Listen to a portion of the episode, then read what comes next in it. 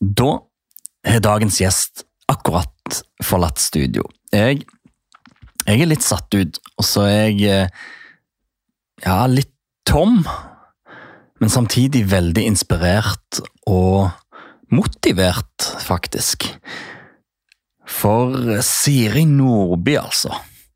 For, for ei dame, for et menneske, for en kapasitet med et liv og en karriere som virkelig gjenspeiler det. En ting er fotballen, med 15 sesonger i, i Røa, som når Siri spilte der og var kaptein der, var Norges beste lag. Og landslaget, med OL, VM og EM og alt det fører med seg, på et av da Europas og tidvis verdens beste landslag. En annen ting er karrieren etter, som eh, leder i, i næringslivet, der hun har kjempa seg og kjemper seg oppover. Litt motstrøms på samme måten som kvinner har kjempa for anerkjennelse og oppmerksomhet i, i fotballen. Med en evne til å våge og tørre å stå opp for, for meningene sine, der hun har slått seg opp og fram med noen eh, grunnleggende og kruttsterke verdier i bånn. Det ble en samtale om, om idrett og fotball, ja. Eh, om eh, kvinnefotballens eh, gjennombrudd, om Martin Sjøgrens skjebne, eh, med noen sterke meninger om hans lederskap. Men det ble jo en samtale om ledelse generelt, og om livet. Som um, i Siris tilfelle tok en brutal vending på et tidspunkt. Og det gjør for så vidt også samtalen vår. Det var sterkt, men jeg tror det var fint. Her kommer samtalen med tidligere fotballspiller, nå framgangsrik næringslivskvinne og mamma til to, Siri Nordby.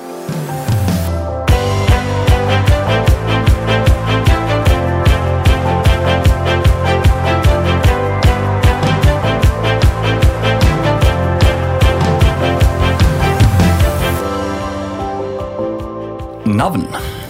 Siri Nordby. Siri Kristine Nordby. Siri Kristine Nordby. Bruker du det? Nei. Hvorfor ikke? Det er veldig lite praktisk med sånn to navn.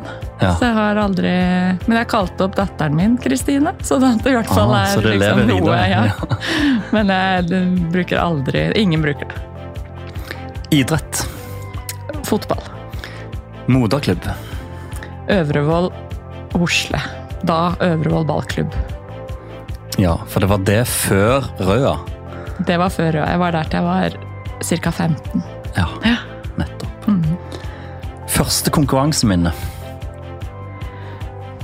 Eh, ja, sånn ordentlig store, og det passer jo nå i disse dager hvor det har vært eh, Norway Cup. Men jeg, eh, mitt første sånn ordentlige minne er nok når jeg fikk være med som eh, mindreårig, holdt jeg på å si, være med de litt eldre og spille Norway Cup. Når jeg var sånn syv år cirka. Og spilte finale på ja, åtte var jeg kanskje, de var ti. Spilte vi finale på Ullevål stadion. Og vi fikk annet utdelt Da fikk man draktsett når man eh, Når man eh, var i finalen. Og det var jo Jeg var ikke så veldig stor som liten. Nei. Så det så ut som jeg løp rundt der i en lang kjole. men det er mitt største Eller sånn, ikke største minne, men første minne Ja. fra fotballen. Tiårs, er tiårsklassen den yngste klassen Ja, jeg tror, og da var det jo litt annerledes, for da Ja. det jo så, begynner du å dra på åra, vet du. Så det var litt annerledes da enn det var nå. Nå er det jo litt mer sånn treerfotball og ja. Så da løp jeg rundt der, og den var ganske stor, den stadion, for å si det sånn, for oss småttiser som løp rundt på banen. Så jeg tror ikke vi var sånn ofte ved mål. Men betyr det da at du var ganske god allerede? Ja, det var jeg nok da, ja. Ja. Jeg, ja. For du fikk være med jenter som var to og tre år eldre? ja Ja. Jeg um, begynte tidlig å spille med broren min, som er fem år eldre, som fikk være med sånn på Løkka. Så jeg var nok, selv om jeg ikke begynte på lag før jeg var syv år, så hadde jeg nok spilt mye fotball før det allikevel. Skjønner. Største opplevelse da, på idrettsbanen? Um, ja, det må ja, det, Kanskje to, men uh, sånn rent sånn prestasjonsmessig så var det nok i 2004 når vi tok det double med Røa. Hvor vi var veldig på en måte underdog, og vi hadde aldri vunnet noe før. Eh, hadde jo bare vært i toppserien tre år og egentlig ikke vært sånn voldsomt gode. Hadde ingen, egentlig ingen landslagsspillere på laget og kom veldig sånn unnifra. Og så vant vi plutselig både serien og cupen, så det viser jo at det heller ikke det var ikke noen tilfeldigheter. Så det å stå og plutselig liksom være ja, dobbeltmester ut fra ingenting, egentlig, det var ganske stort. Og spesielt da med et lag som var veldig sånn lag med stor L. Det var ingen, som sagt, eh, store stjerner, og grunnen til at vi vant, det var fordi vi var et eh, ordentlig bra lag. Og en bra gjeng.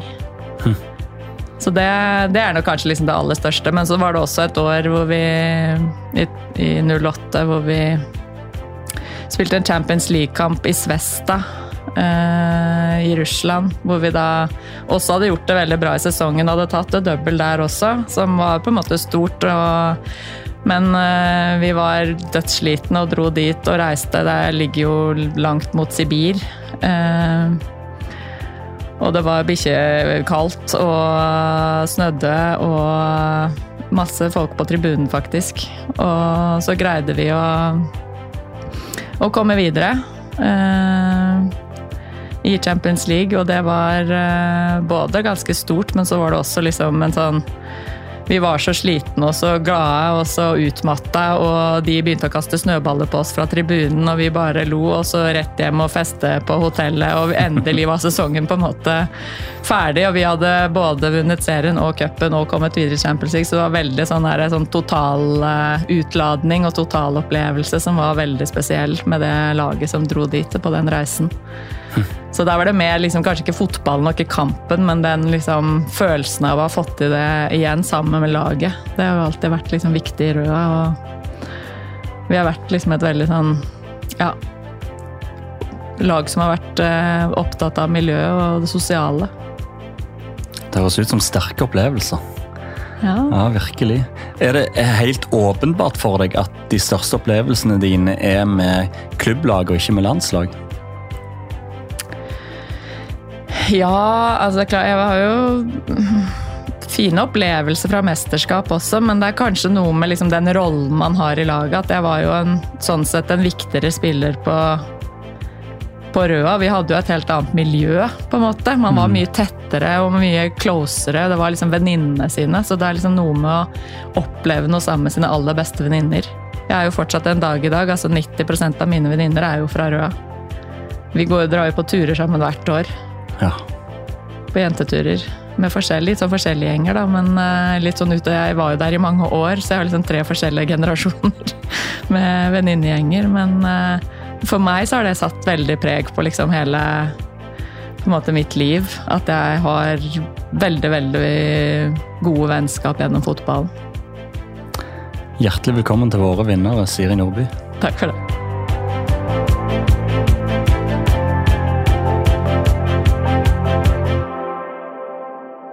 Det var en uh, nydelig innledning, og det er veldig hyggelig å ha deg her. Ja, takk i likeså. Hyggelig å være her. Har du hatt en bra sommer? Ja, veldig bra. Stille og rolig. Eller så stille og rolig det blir med to tvillingjenter på seks år, men ja, stille og rolig. Hva har sommeren bestått i, i, i korte trekk? Er veldig korte trekk, så vi har en leilighet i Spania. Så vi har egentlig bare vært der, badet, eh, spist is, slappet av. Eh, hatt veldig lite planer, så det har vært veldig deilig. Bare ja, ligget rett ut og kost oss, egentlig. Herlig. Mm. Og for mange du, du er jo en markant person i norsk kvinnefotball. Eh, du nevner jo både Røa og, og vi er litt inne på landslaget i innledningen her. Eh, og denne sommeren for mange er jo handla mye om, om, kvinnefotball, om EM i, mm. i, i England. Eh, med tidenes tilskuertall og en oppsving som en virkelig har venta på. Hvordan har det vært å, å oppleve for deg? Jeg får helt gåsehud bare av, av å prate om det. Jeg syns det er veldig gøy. Og eh, under kvinnefotballen, da, hvis man skal kalle det eh, sånn i helhet, den oppmerksomheten som de nå begynner å få. Man har jo alltid hatt litt, men det har vært veldig liksom eh, spesifikt inn mot mesterskap. Og det har ikke vært eh, på en måte så stort i alle, i alle, land, men nå begynner det på en måte å få stor oppmerksomhet eh, i hele verden. Eh, og det er veldig, veldig gøy å se. Eh, det er sånn Skulle gjerne fortsatt vært med. men, men er likevel glad for å få sitte på sidelinja og og se på og føle, og føle, på stemningen. Er det sånn at du irriterer deg litt over at ah, Hvorfor skjedde ikke dette litt før? På godt og vondt. Jeg er litt sånn eh, Det er jo veldig fint nå med også det med at det kommer mer penger inn, det blir mer profesjonelt. Det er kjempebra, men det krever jo også at eh, man kanskje ikke Jeg er jo veldig fornøyd med at jeg parallelt med fotballen har fått tatt utdanning, eh, har jobbet mer eller mindre alltid ved siden. Jeg har hatt noen år hvor jeg bare har spilt fotball, men det var på en måte ikke Jeg likte å drive med noe annet eh, på siden. Eh, og også veldig glad for det i ettertid. Uh, så sånn sett er jeg veldig glad for at jeg nå på en måte gjorde det underveis.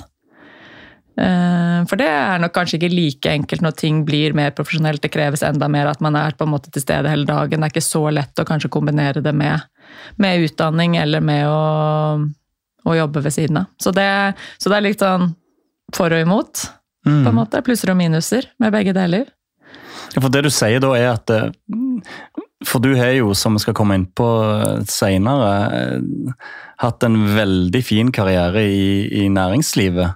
Og det du sier da er at hvis forholdene hadde vært annerledes, så kan det være at du ikke hadde eh, fått til det, da? Ja, mest sannsynlig kanskje ikke, eller det vet man jo ikke. Men eh, jeg vil jo tro at jo mer på en måte penger og jo mer som kreves eh, i forhold til å på en måte være til stede på felt eh, Det var jo mer, Vi trente også flere ganger om dagen, men det var jo mer tilrettelagt sånn at man faktisk kunne gjøre det i kombinasjon med skole og jobb, fordi at det måtte alle.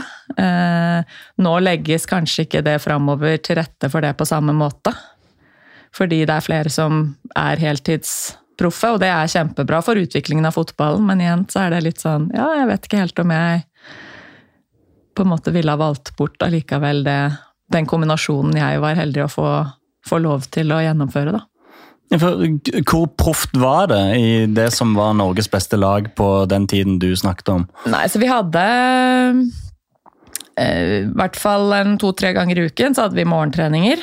Eh, noe på Røa, og, men også en del på, via Olympiatoppen på, på Sognsvann.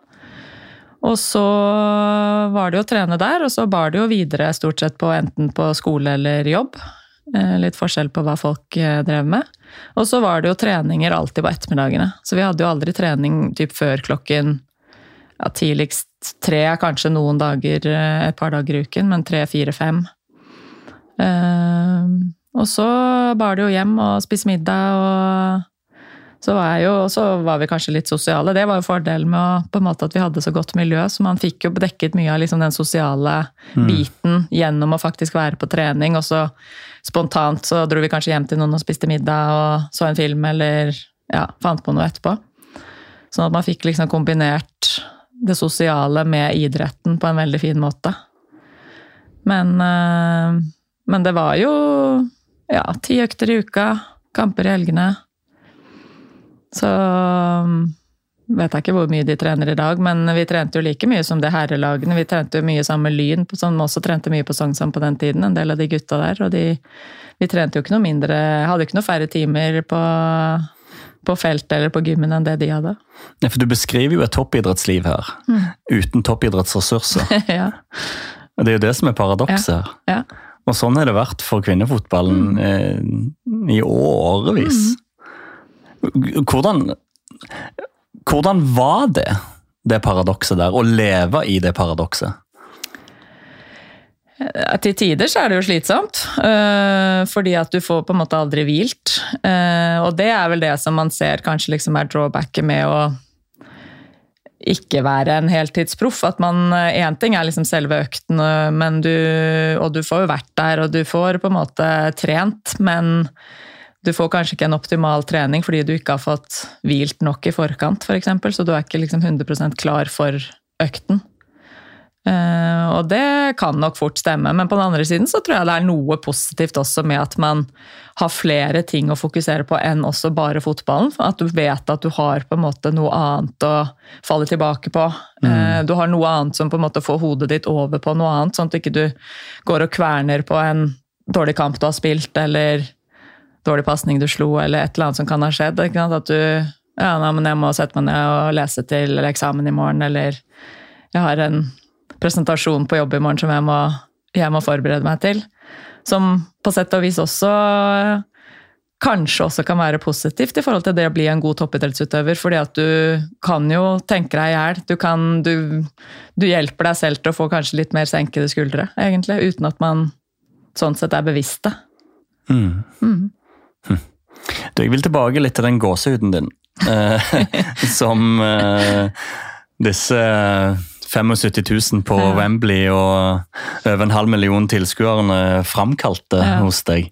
For den viser jo i klartekst hvor mye du unner eh, fotballen nå Mm. å få disse opplevelsene, selv om du selv ikke fikk det. Ja. Eh, Hva er det som gjør eh, Hva er den sterkeste årsaken til at du unner de dette så sterkt? Nei, for jeg vet hvor mye de legger ned i det. Jeg vet hvor mye det koster. eh, hvor mye man ofrer. Eh, hva det krever av en å liksom komme dit de er i dag. Eh, vi òg spilte jo mesterskap med 30 000-40 000 på tribunen, men, for, men det var kanskje allikevel ikke helt liksom samme omstendighetene, da. Det er klart at når England vinner på, på hjemmebane på Wembley, altså det er jo liksom sånn eventyr, egentlig. Med liksom beste slutten som Jeg tror liksom alle satt nesten og håpet, selv tyskerne omtrent. Ja. Men uh, kunne liksom egentlig ikke blitt noe bedre. Uh, sånn sett fra et nøytralt ståsted. For det ble liksom den perfekte uh, enden på den nye starten. Ja, ja egentlig. For alle. Det ble liksom bare to streker under svaret. Mm. Ja. Hei, her er vi, og vi har Ja. kommet for å bli. Ja, og at det er England, på en måte. Ja. Sånn store fotballnasjonen. Som gjør at fokuset da bare ble enda større.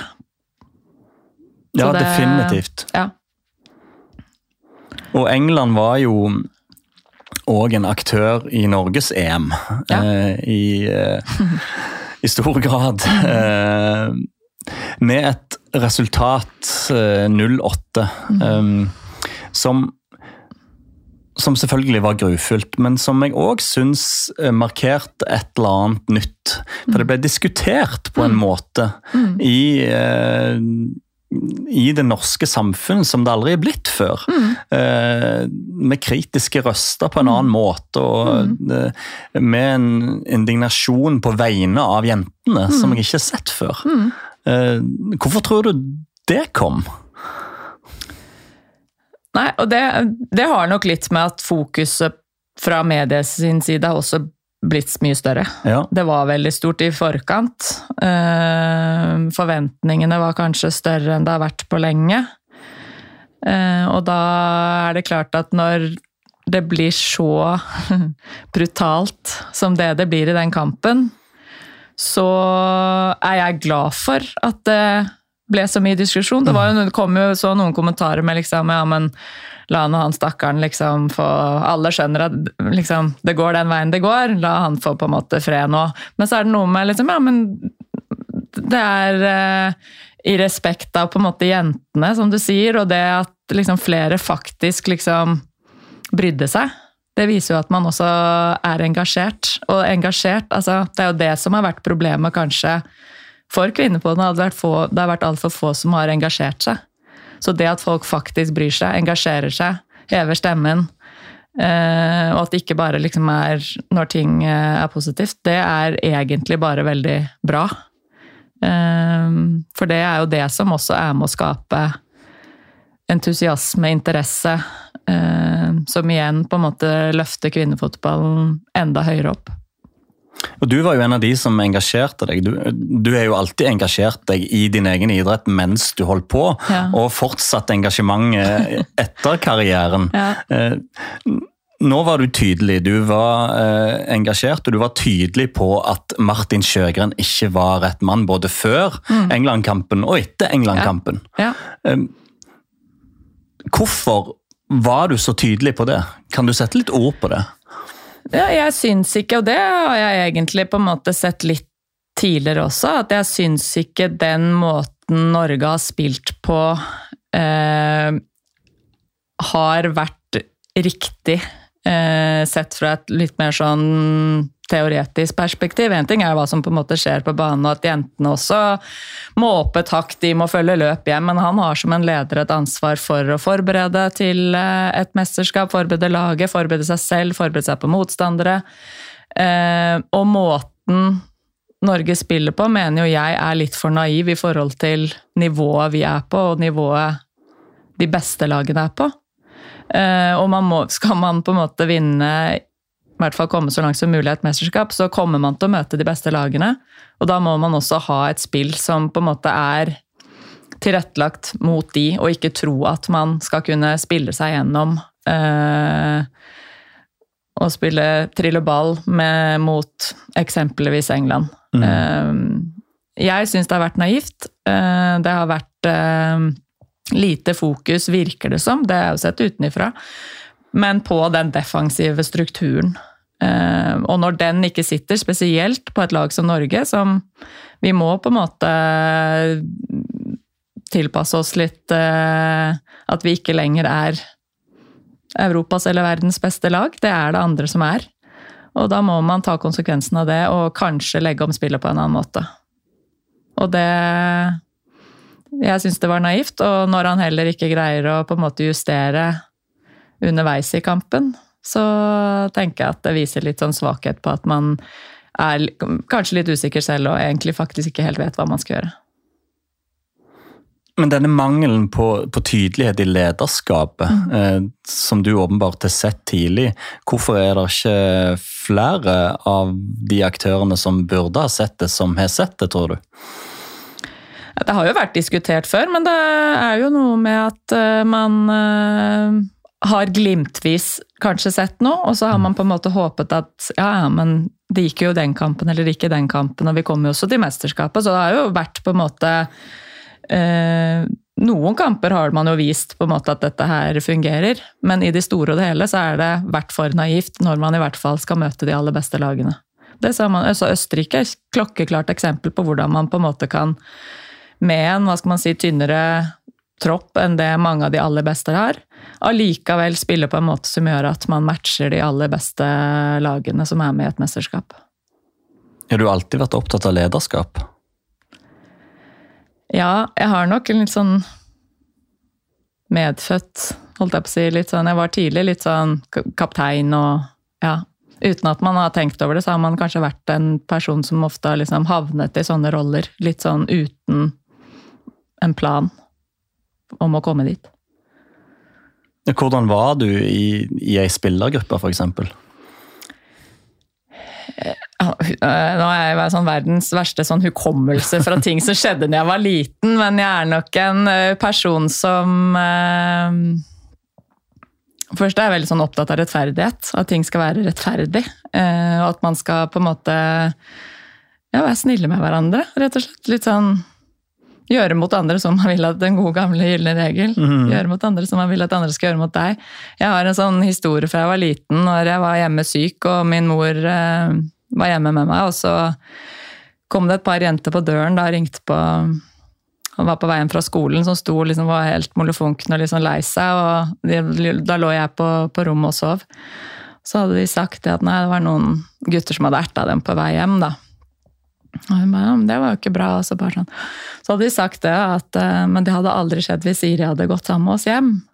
Og det har jo hun fortalt til meg, eller fortalte hun til meg i ettertid, da, at hun ble veldig stolt av.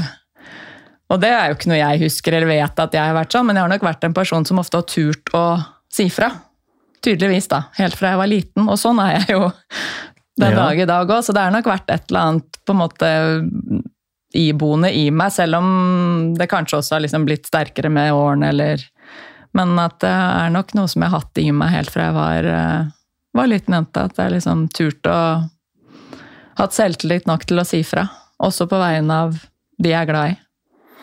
Ja, for det er det det, er det, det virker som, da. Mm. At du er så, så uredd. Eh, altså Og det er da jeg lurer på hvor den ureddheten kommer fra. Ja. ja, det som sagt, det er nok litt Litt medfødt, og så er det nok litt liksom, gjennom erfaringer, de man har hatt rundt seg, og litt, eh, eh, tror jeg også liksom Opplevelser gjennom livet former en jo litt som person. Jeg mistet jo moren min da jeg var 18, Ja. og det var en ganske sånn sterk på en måte opplevelse, og man lærer litt at livet er her og nå, for det skjedde veldig fort. Så da blir det jo litt sånn at du vet at Eller man vet ikke helt hva morgendagen bringer.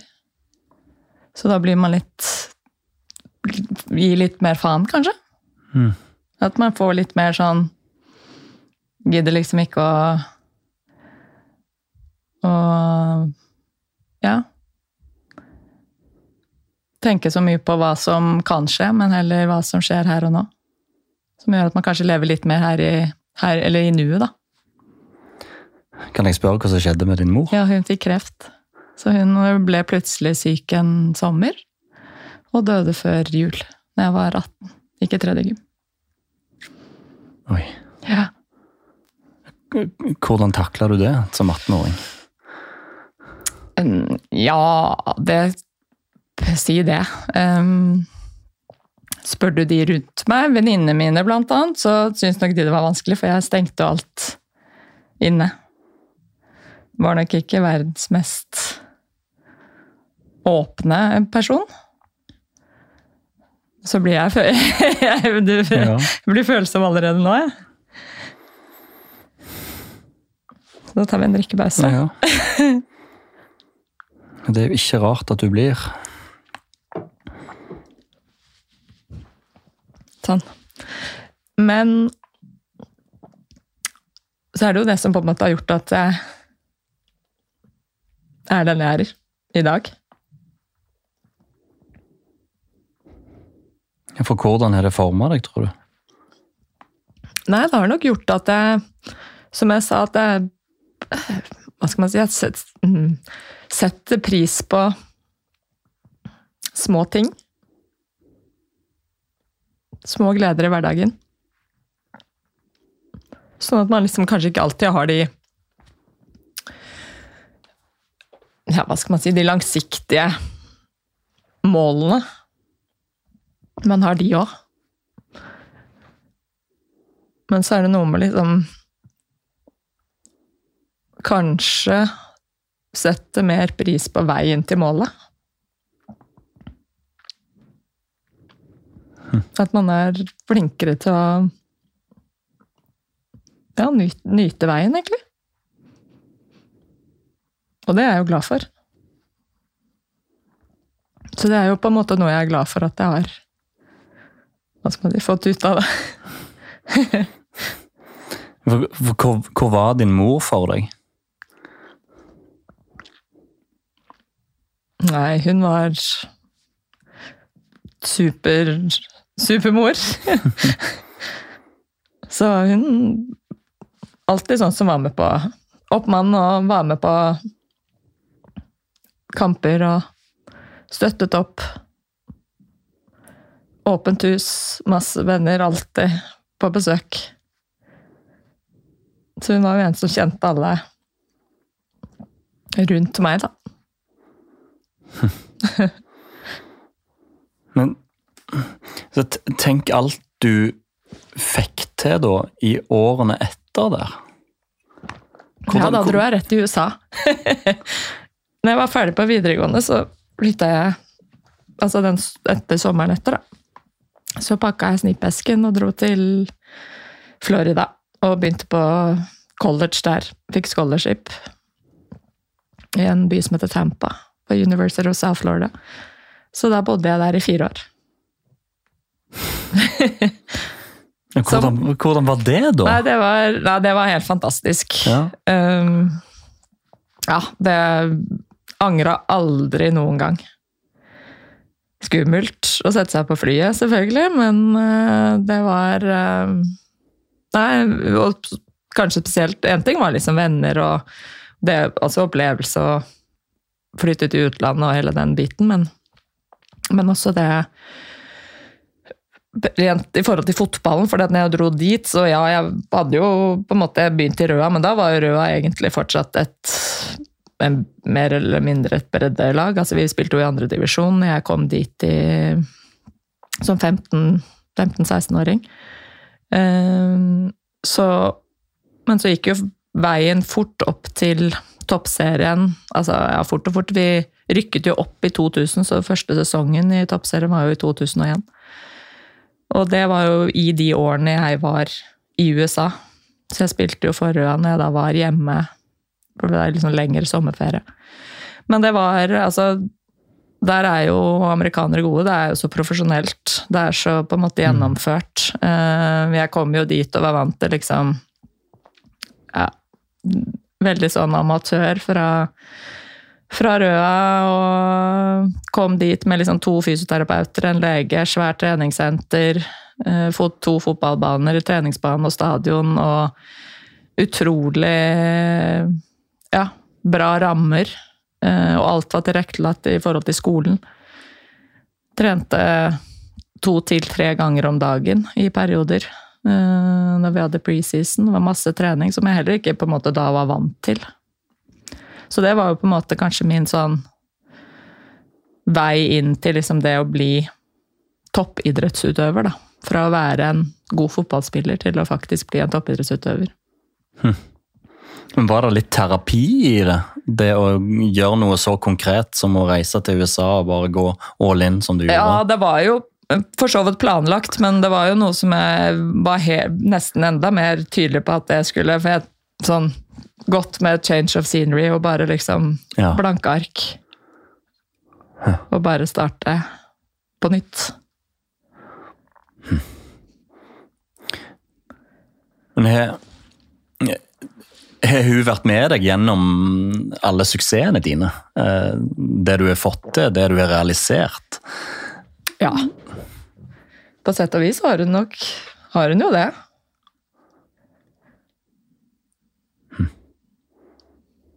Jeg syns bare det er så sterkt at du klarer å bare snu hodet etter en sånn monumental hendelse i livet ja. til en tenåring, og bare gå all in på den måten.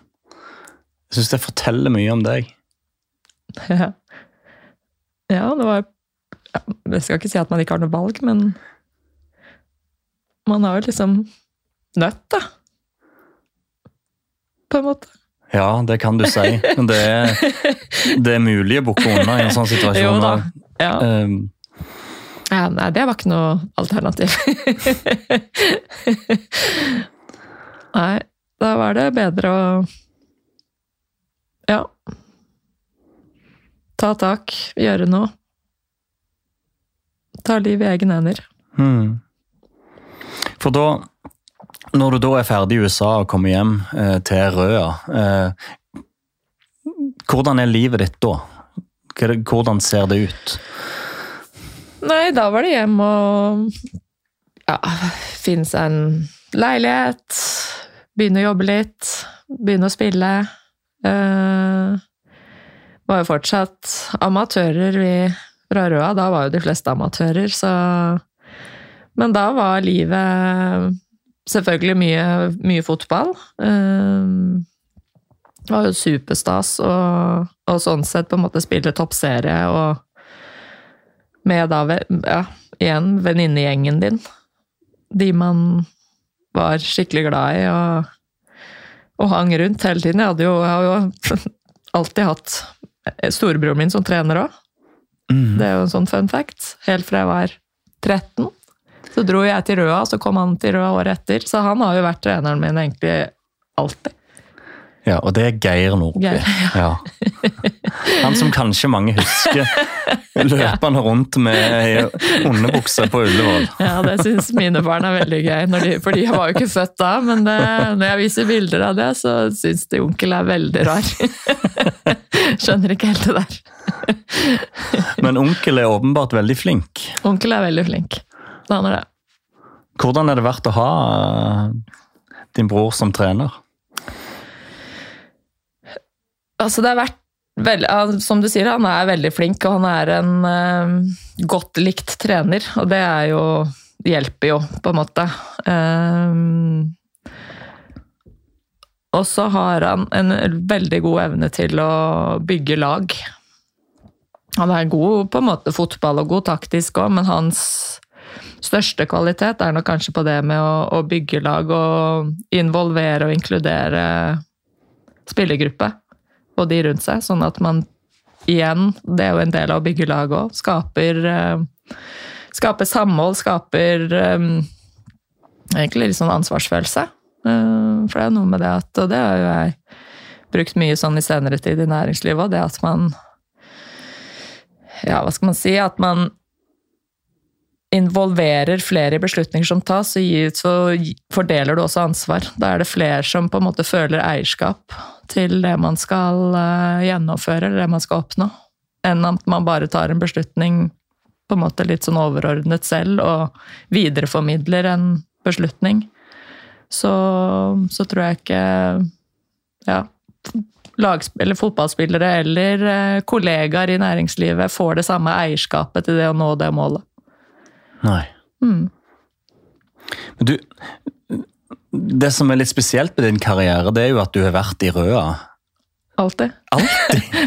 15 sesonger, er det det? Ja. ja.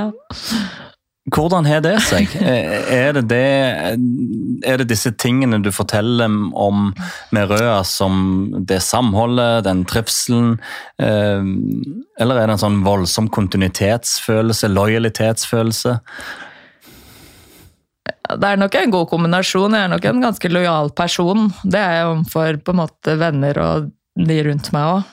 Um, men det er jo samholdet som har gjort, eller det sosiale rundt det som har gjort at jeg har trivdes så godt. Og for meg så er det utrolig viktig også at når man legger ned så mye tid i noe, uh, enten det er fotball eller i en jobb eller hva det måtte være, så er det jo utrolig viktig at man trives med det. Og det spiller jo litt igjen til dette med at liksom, livet er for kort til å gå og vente på at man skal pensjoneres. At mhm. man må faktisk trives der man er, da, og ikke kaste bort tiden på å gjøre noe man ikke syns er gøy. Uh, og jeg trivdes så utrolig godt med den gjengen i, i Røa. Så selv liksom siste par årene hvor jeg egentlig var ja, møkk lei fotball, så hadde jeg ikke hjerte for å slutte, på en måte, for jeg hadde lyst til å være der også for, for, laget. Det var en periode hvor det var en del andre også som sluttet og ble gravide, blant annet. Så det ble liksom et par år ekstra, sånn, litt sånn på overtid egentlig, sånn i forhold til motivasjonen.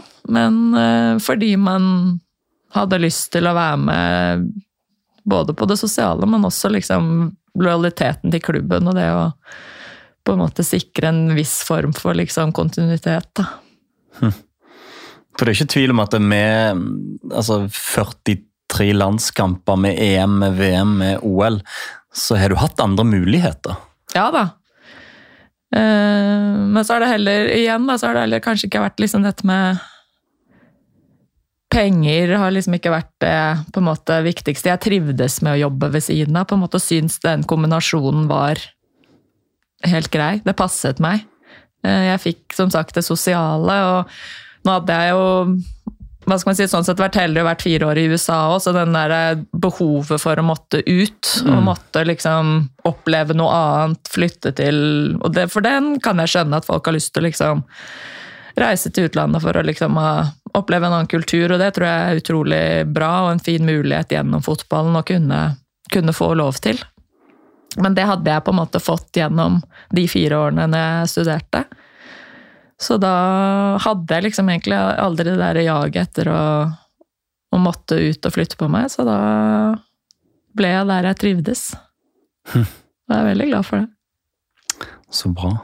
Når, når skjønte du at du var gira, trigga på å gjøre en karriere i næringslivet?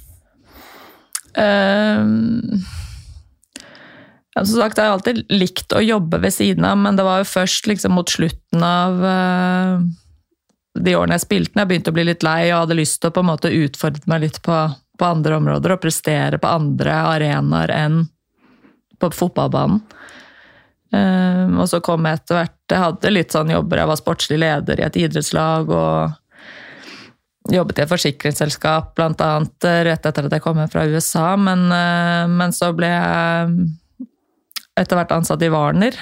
Um, og så Og der òg var det på en måte et, uh, en veldig fin bedrift, som også hadde veldig sånn fokus på dette med miljøet, at man skulle trives på jobb, og, og kom veldig sånn, godt inn i, inn i kulturen der. Fikk masse gode kollegaer og trivdes veldig godt der. Og så har jeg igjen kanskje ikke hatt noe sånn mål om at jeg skal bli det og det, eller jeg skal opp, men har nok hatt en sånn Alltid litt sånn indre drive i forhold til det med hele tiden liksom bli en bedre versjon av meg selv, lære mer. Eh, at man aldri liksom er helt fornøyd. Mm.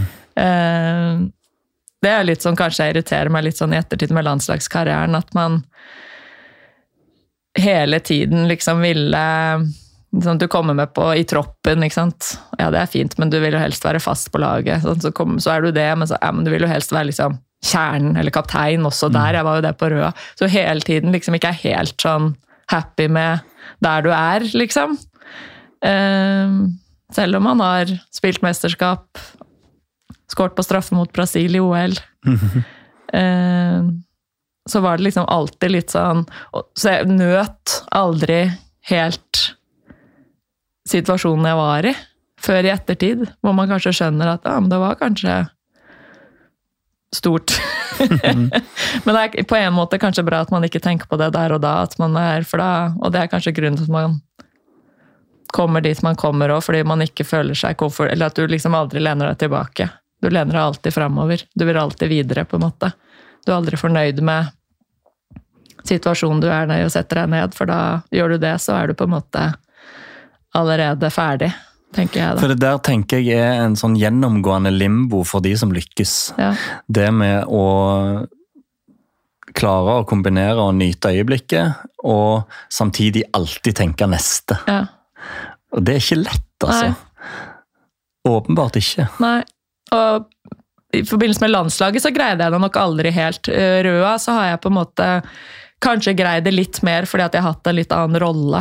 Eh, og følt liksom at jeg har hatt litt mer sånn Hva skal man si? Jeg har litt mer nådd de tingene som jeg ville nå, spesielt i og med at vi også liksom vant mye. Vi, og det å være med å vinne noe eh, med de du elsker å være sammen med, det liksom den i de situasjonene etter at vi har liksom vant spesielt kanskje cupfinaler, som er en litt sånn hvor du er litt mer sånn til stede. Det er ikke en serie hvor liksom, ting skjer liksom over en lengre periode, men det er liksom veldig sånn her og nå-øyeblikk.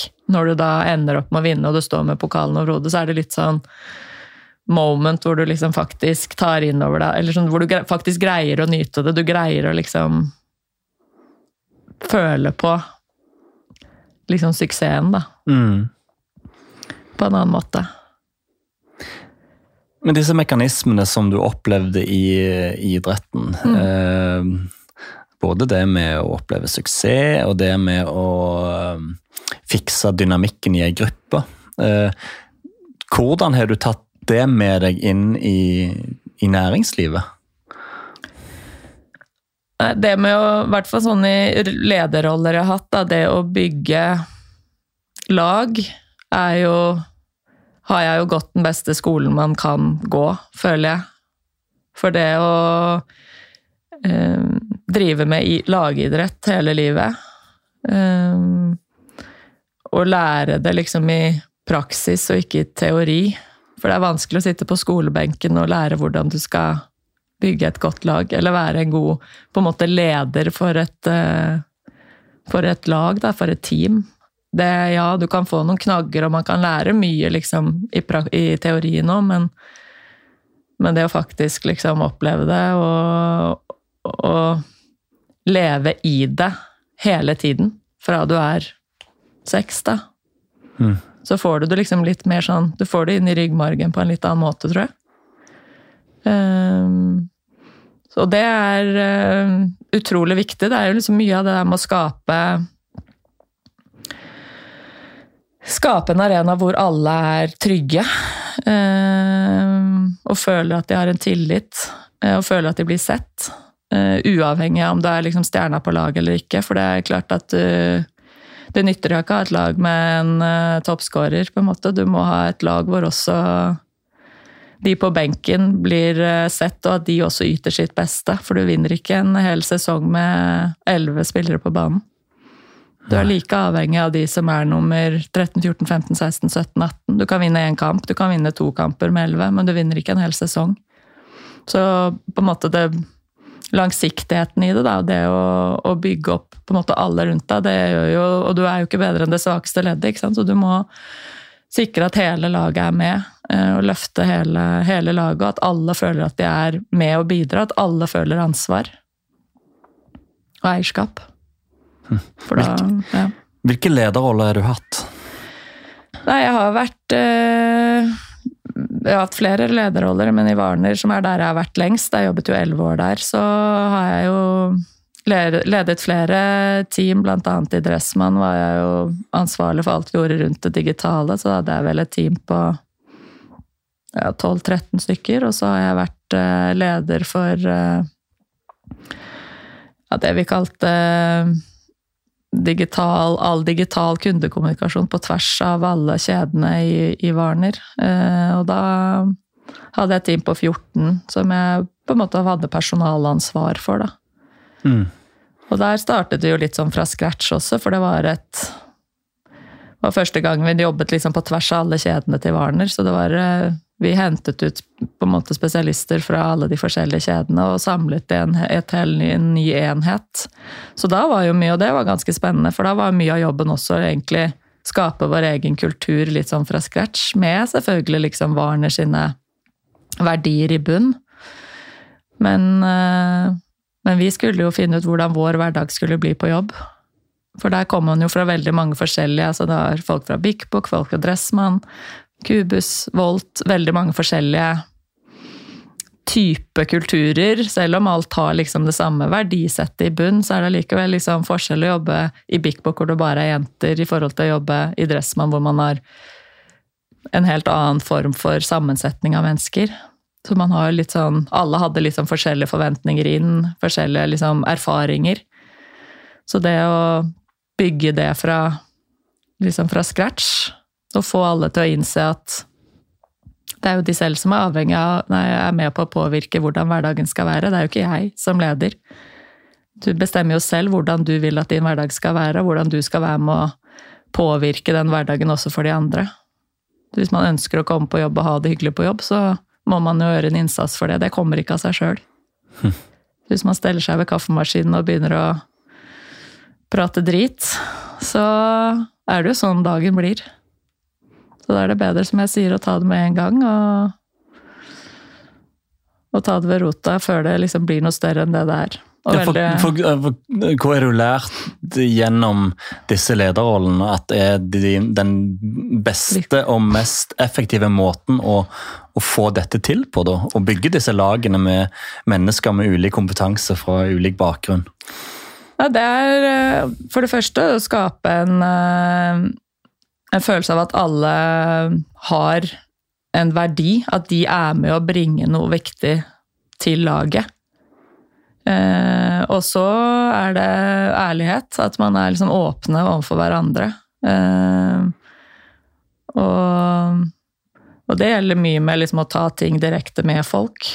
Eh, jeg er jo kjent for eh, rake pucker, som de kalte det, Warner. Jeg sier jo Mm. ting som det er, og det tror jeg liksom veldig mange setter pris på også som en leder. Fordi at du Det er lett å forholde seg til. Kan kanskje til tider være litt tøft å få tilbakemeldinger så direkte, men, men da vet du også på en måte hva du forholder deg til. Tenk å liksom lure på hva mente hun egentlig med det hun sa nå, eller hvordan, hva tenkte hun egentlig på når hun sa det. For det, det skjønner du når jeg har sagt det. Og det tror jeg gjør at ting også er eh, altså Jeg som person er enkel å forholde seg til, og jeg ønsker jo at andre skal være sånn mot hverandre òg. At at man skal være litt sånn tydelig og direkte, men lære folk å kjenne, sånn at man vet hvordan man skal være tydelig og direkte. For det, er, det lærer man jo veldig gjennom fotballen, at man har jo ikke tid til å på en måte pakkettere en beskjed på en fotballbane. Eh, Men det du kan gjøre, er å si det på en litt eh, forskjellig måte. Jeg er jo annet spilt med Lisa i Klavenes. Og hun kunne jo si ting på akkurat sånn som du ville, og hun ble jo bedre jo mer eh, Jo kvassere du omtrent var i måten du ga beskjeder. Mens andre får høye skuldre og presterer kanskje dårligere, men det betyr ikke at de ikke heller skal få den beskjeden. Og jeg har vel, alltid vært veldig opptatt av, også for de som jeg har vært leder for, at det å få konstruktive tilbakemeldinger, som mange ofte ser på som kritikk, men det er jo ikke kritikk, det er jo en tilbakemelding, det er jo egentlig bare noe du skal være utrolig glad for, for det betyr jo bare at noen andre faktisk tror at du kan gjøre noe bedre. Ja. Og det er jo egentlig bare en veldig, veldig fin ting. Det hadde jo vært veldig mye verre hvis det var motsatt. At du ikke har troa på deg i det hele tatt. Så er det liksom på en måte ikke noe vits å si noe engang, for at uh, man har ikke troa på at du kommer til å få det til. Og så viser det at du bryr deg, og Ja. at du har et genuint ønske om å gjøre denne personen bedre. Ja. Akkurat.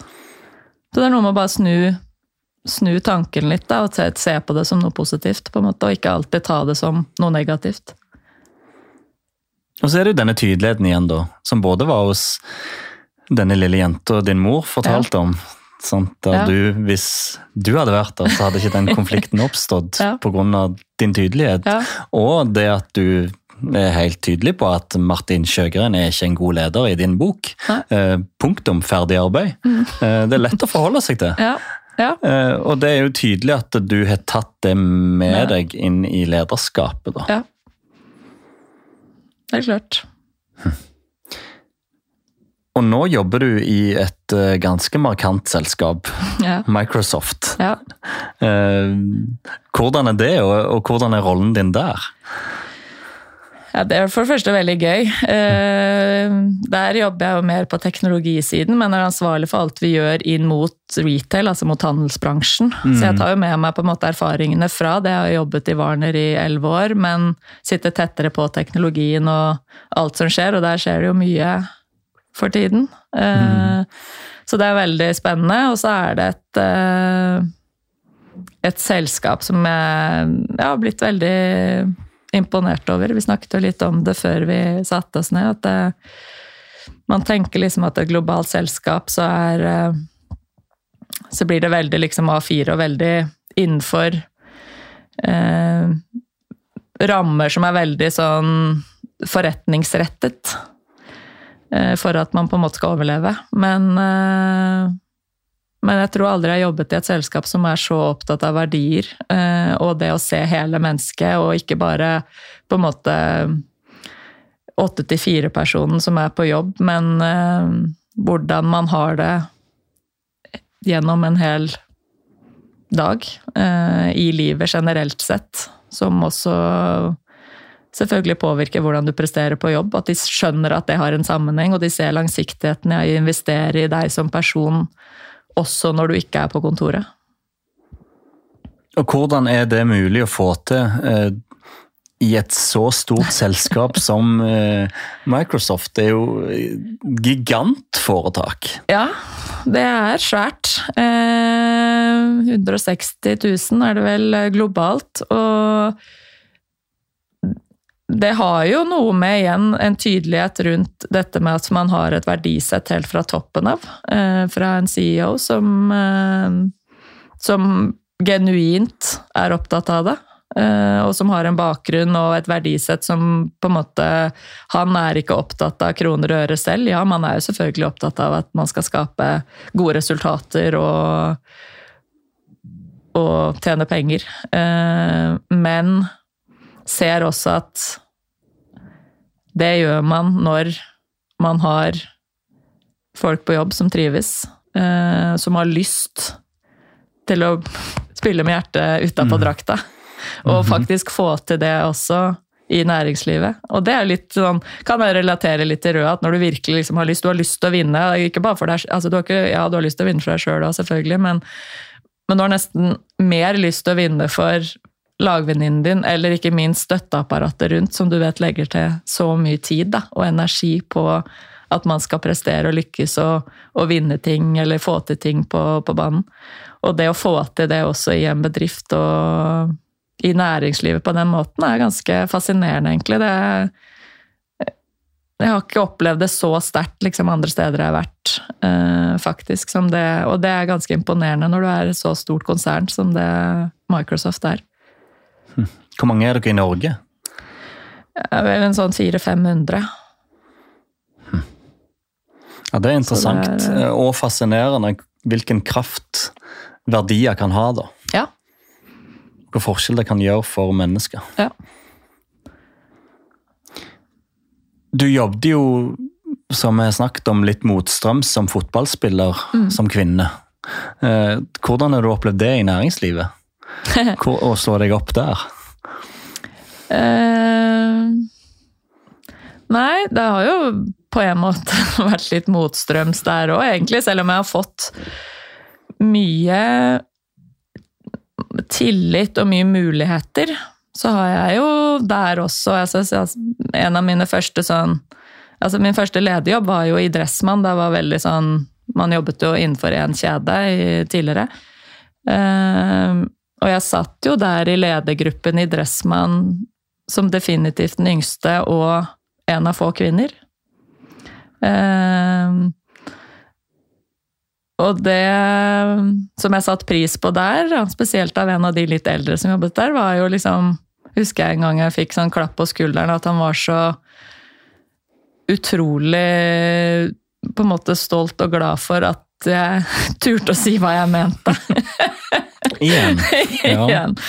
Ja, det er jo ofte litt sånn at man eh, Det var jo som sagt en del eh, etablerte personer som hadde sittet lenge i denne ledergruppa. Eh, Og det er mye som da går på litt sånn rutine, og at man gjør ting bare fordi at man alltid har gjort det på den måten. Eller. Så jeg tror nok det at det kommer inn noen som tør å stille spørsmålstegn til det man gjør, og ikke med noe sånn det må endres, men liksom ja, hvorfor må vi gjøre det sånn? Eller kan vi gjøre det noe annerledes? Eller Og at det bare ja, var nok litt sånn frisk pust. Men er det Men hvorfor er det sånn at en nesten blir overraska da av at eh, en uh, ung kvinne kommer inn og leverer med kompetanse og med kløkt og kraft på den måten? Nei, det kan du si. Uh, Det bør jo ikke, egentlig ikke være det. Men uh, det er vel sånn på en måte det ofte er. I hvert fall når det er eh, miljøer som på en måte er veldig homogene, da. Uh, Så det, når det ikke er så mye mangfold, så blir det jo kanskje litt sånn overraskende. Men det er jo veldig sunt. Og det tror jeg også er eh, Igjen tilbake til Microsoft. Noe jeg syns er veldig bra der, er jo fokuset på dette med likestilling, mangfold. eh, Det å på en måte være åpne om at eh, man eh, trenger forskjellige typer folk for å skape en best mulig dynamikk i en gruppe. Det er ganske viktig også når man utvikler teknologi. Mm. For det er klart, Hvis du sitter og utvikler en eh, håndkonsoll til en eh, PC, eller når du skal sitte og spille, men du mangler en hånd, så skjønner du plutselig når du utvikler den at da bør den kanskje fungere på en annen måte. Men det tenker du ikke på når du sitter der og har to hender. Nei. Så det er sånn små Og det, det med å liksom ha med folk som har forskjellige erfaringer, forskjellige ja, kunnskap, det er utrolig viktig å tenke på også i næringslivet. At man eh, Det er ikke bare for eh, syns skyld, det er også for å faktisk eh, dra bedriftene enda mer inn i, riktig retning. Da. Men opplever du at det, det både den mangfoldskampen, kall det det, Ja. kvinnekampen, at det er i endring? Ja, det føler jeg jo på sett og vis, og så skal man aldri igjen der heller lene seg tilbake og være på en måte fornøyd. Det er vi jo mange eksempler på, dessverre i år, eh, rundt pride eh, eksempelvis, at eh, man lurer på hvorfor man trenger å markere som for eksempel det. Mm. Eh, Det å kunne være, få lov å elske den man vil.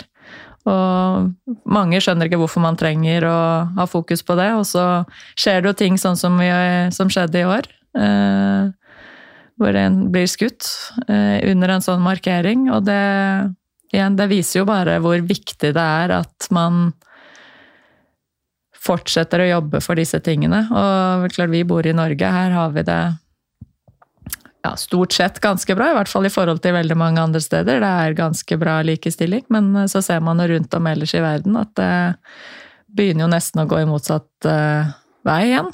Mm. Uh, og der tror jeg jo også at uh, fotball, igjen da, for å knytte den parallellen igjen, er en viktig bidragsyter i den kampen for eh, å fremme kvinner i veldig, veldig mange land. Ikke nødvendigvis bare sånn som vi har jobbet og på en måte kjempet for vår stemme her i Norge, men ikke minst også på vegne av jenter rundt omkring i verden. Da må det jo være eh, deilig for deg å se at hun du sendte rake pucker til på banen, nå er i presidentstolen Ja, det- og, og tar grep, og, og tør på samme måte som deg å bare si det hun mener, uansett hvem hun møter og står ovenfor.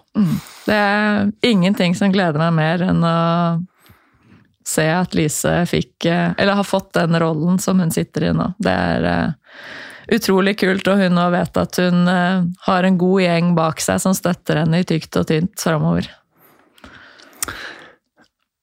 Og apropos roller, det, vi har jo prata litt om kvinnelandslaget og uh, Martin Sjøgren. Nå er det en ny ledelse inn der. En nye, ny landslagstrener i Hege Riise. Eh, hva tanker gjør du deg om, om, om den konstellasjonen?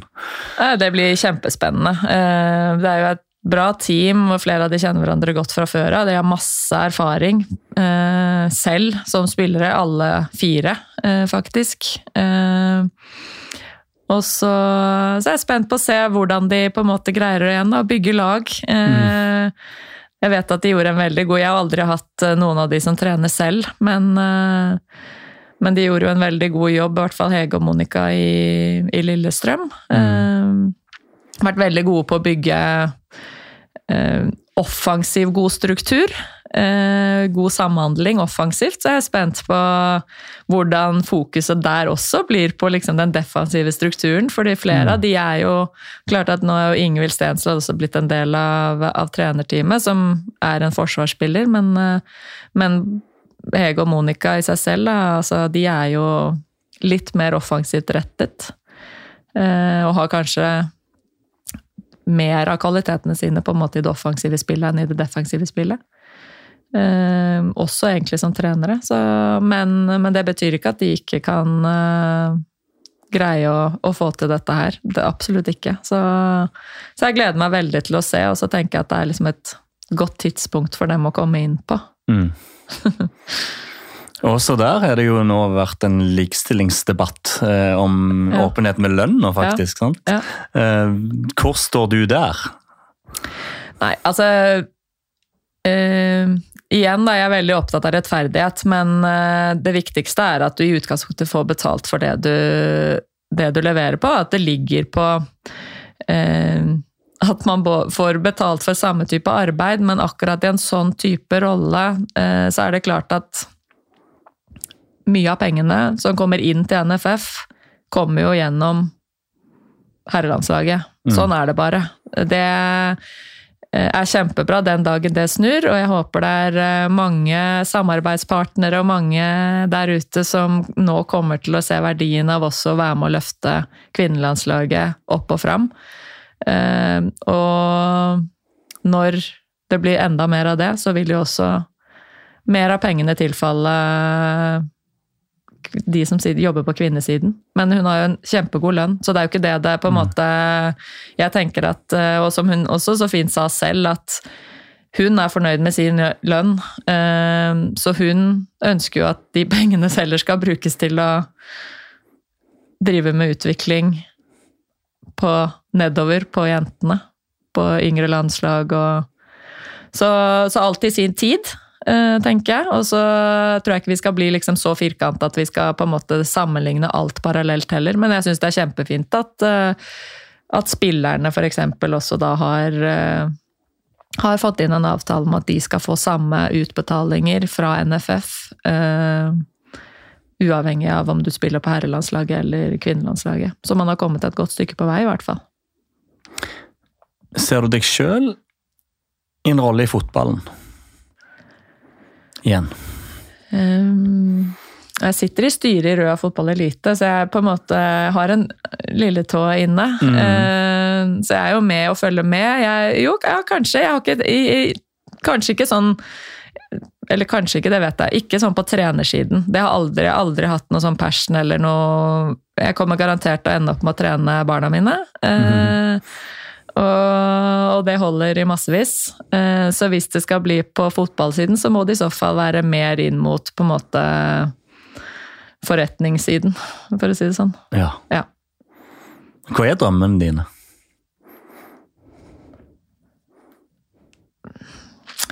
Det er litt som jeg har sagt, eh, det går litt Jeg har liksom ikke den derre den eh, langsiktige, store drømmen. Jeg er litt sånn som lever her og nå og er opptatt av at uh, de rundt meg, at jeg selv skal ha det bra her og, og nyte egentlig livet. De, det sier alle venninnene mine nå.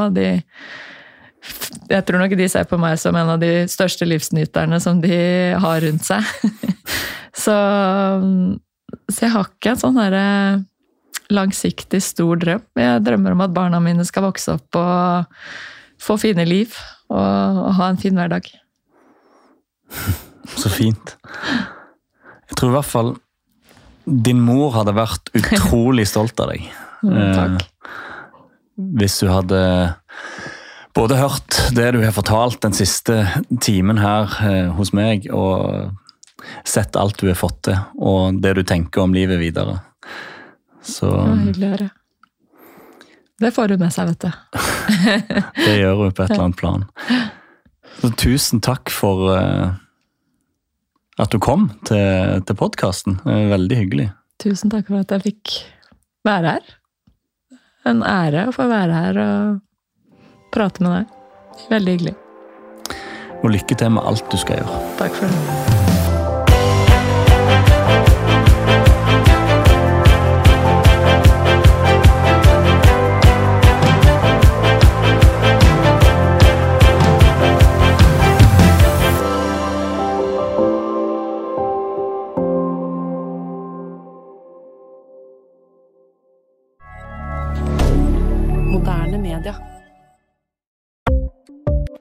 Ukens annonsør er Folio, en smartere banktjeneste for deg som har en egen bedrift eller ønsker å starte for deg selv. Folio er en superenkel nettbank for bedrifter. Som kunde i Folio får du en bedriftskonto med et bedriftskort og app. I denne appen er det smarte løsninger som forenkler regnskapet ditt, uansett om du har en liten bedrift eller et enkeltpersonsforetak. Folio er både intuitivt og brukervennlig, og er laget med et enkelt språk. I tillegg tilbyr de forutsigbare priser og ingen skjulte gebyrer. Skulle du likevel trenge det, så kan du snakke med deres raske og hyggelige kundeservice, og der får du prate med en faktisk person og ikke en chatbot. Folio er med andre ord både enklere og koseligere enn banken. Over 10 000 bedrifter har allerede valgt Folio som sin banktjeneste, så besøk folio.no og se hvordan Folio kan forenkle din hverdag også. Har du et enkeltpersonforetak eller en liten bedrift? Da er du sikkert lei av å høre meg snakke om hvor enkelt det er med kvitteringer og bilag i fiken, så vi eh, gir oss her, vi. Fordi vi liker enkelt. Fiken superenkelt regnskap.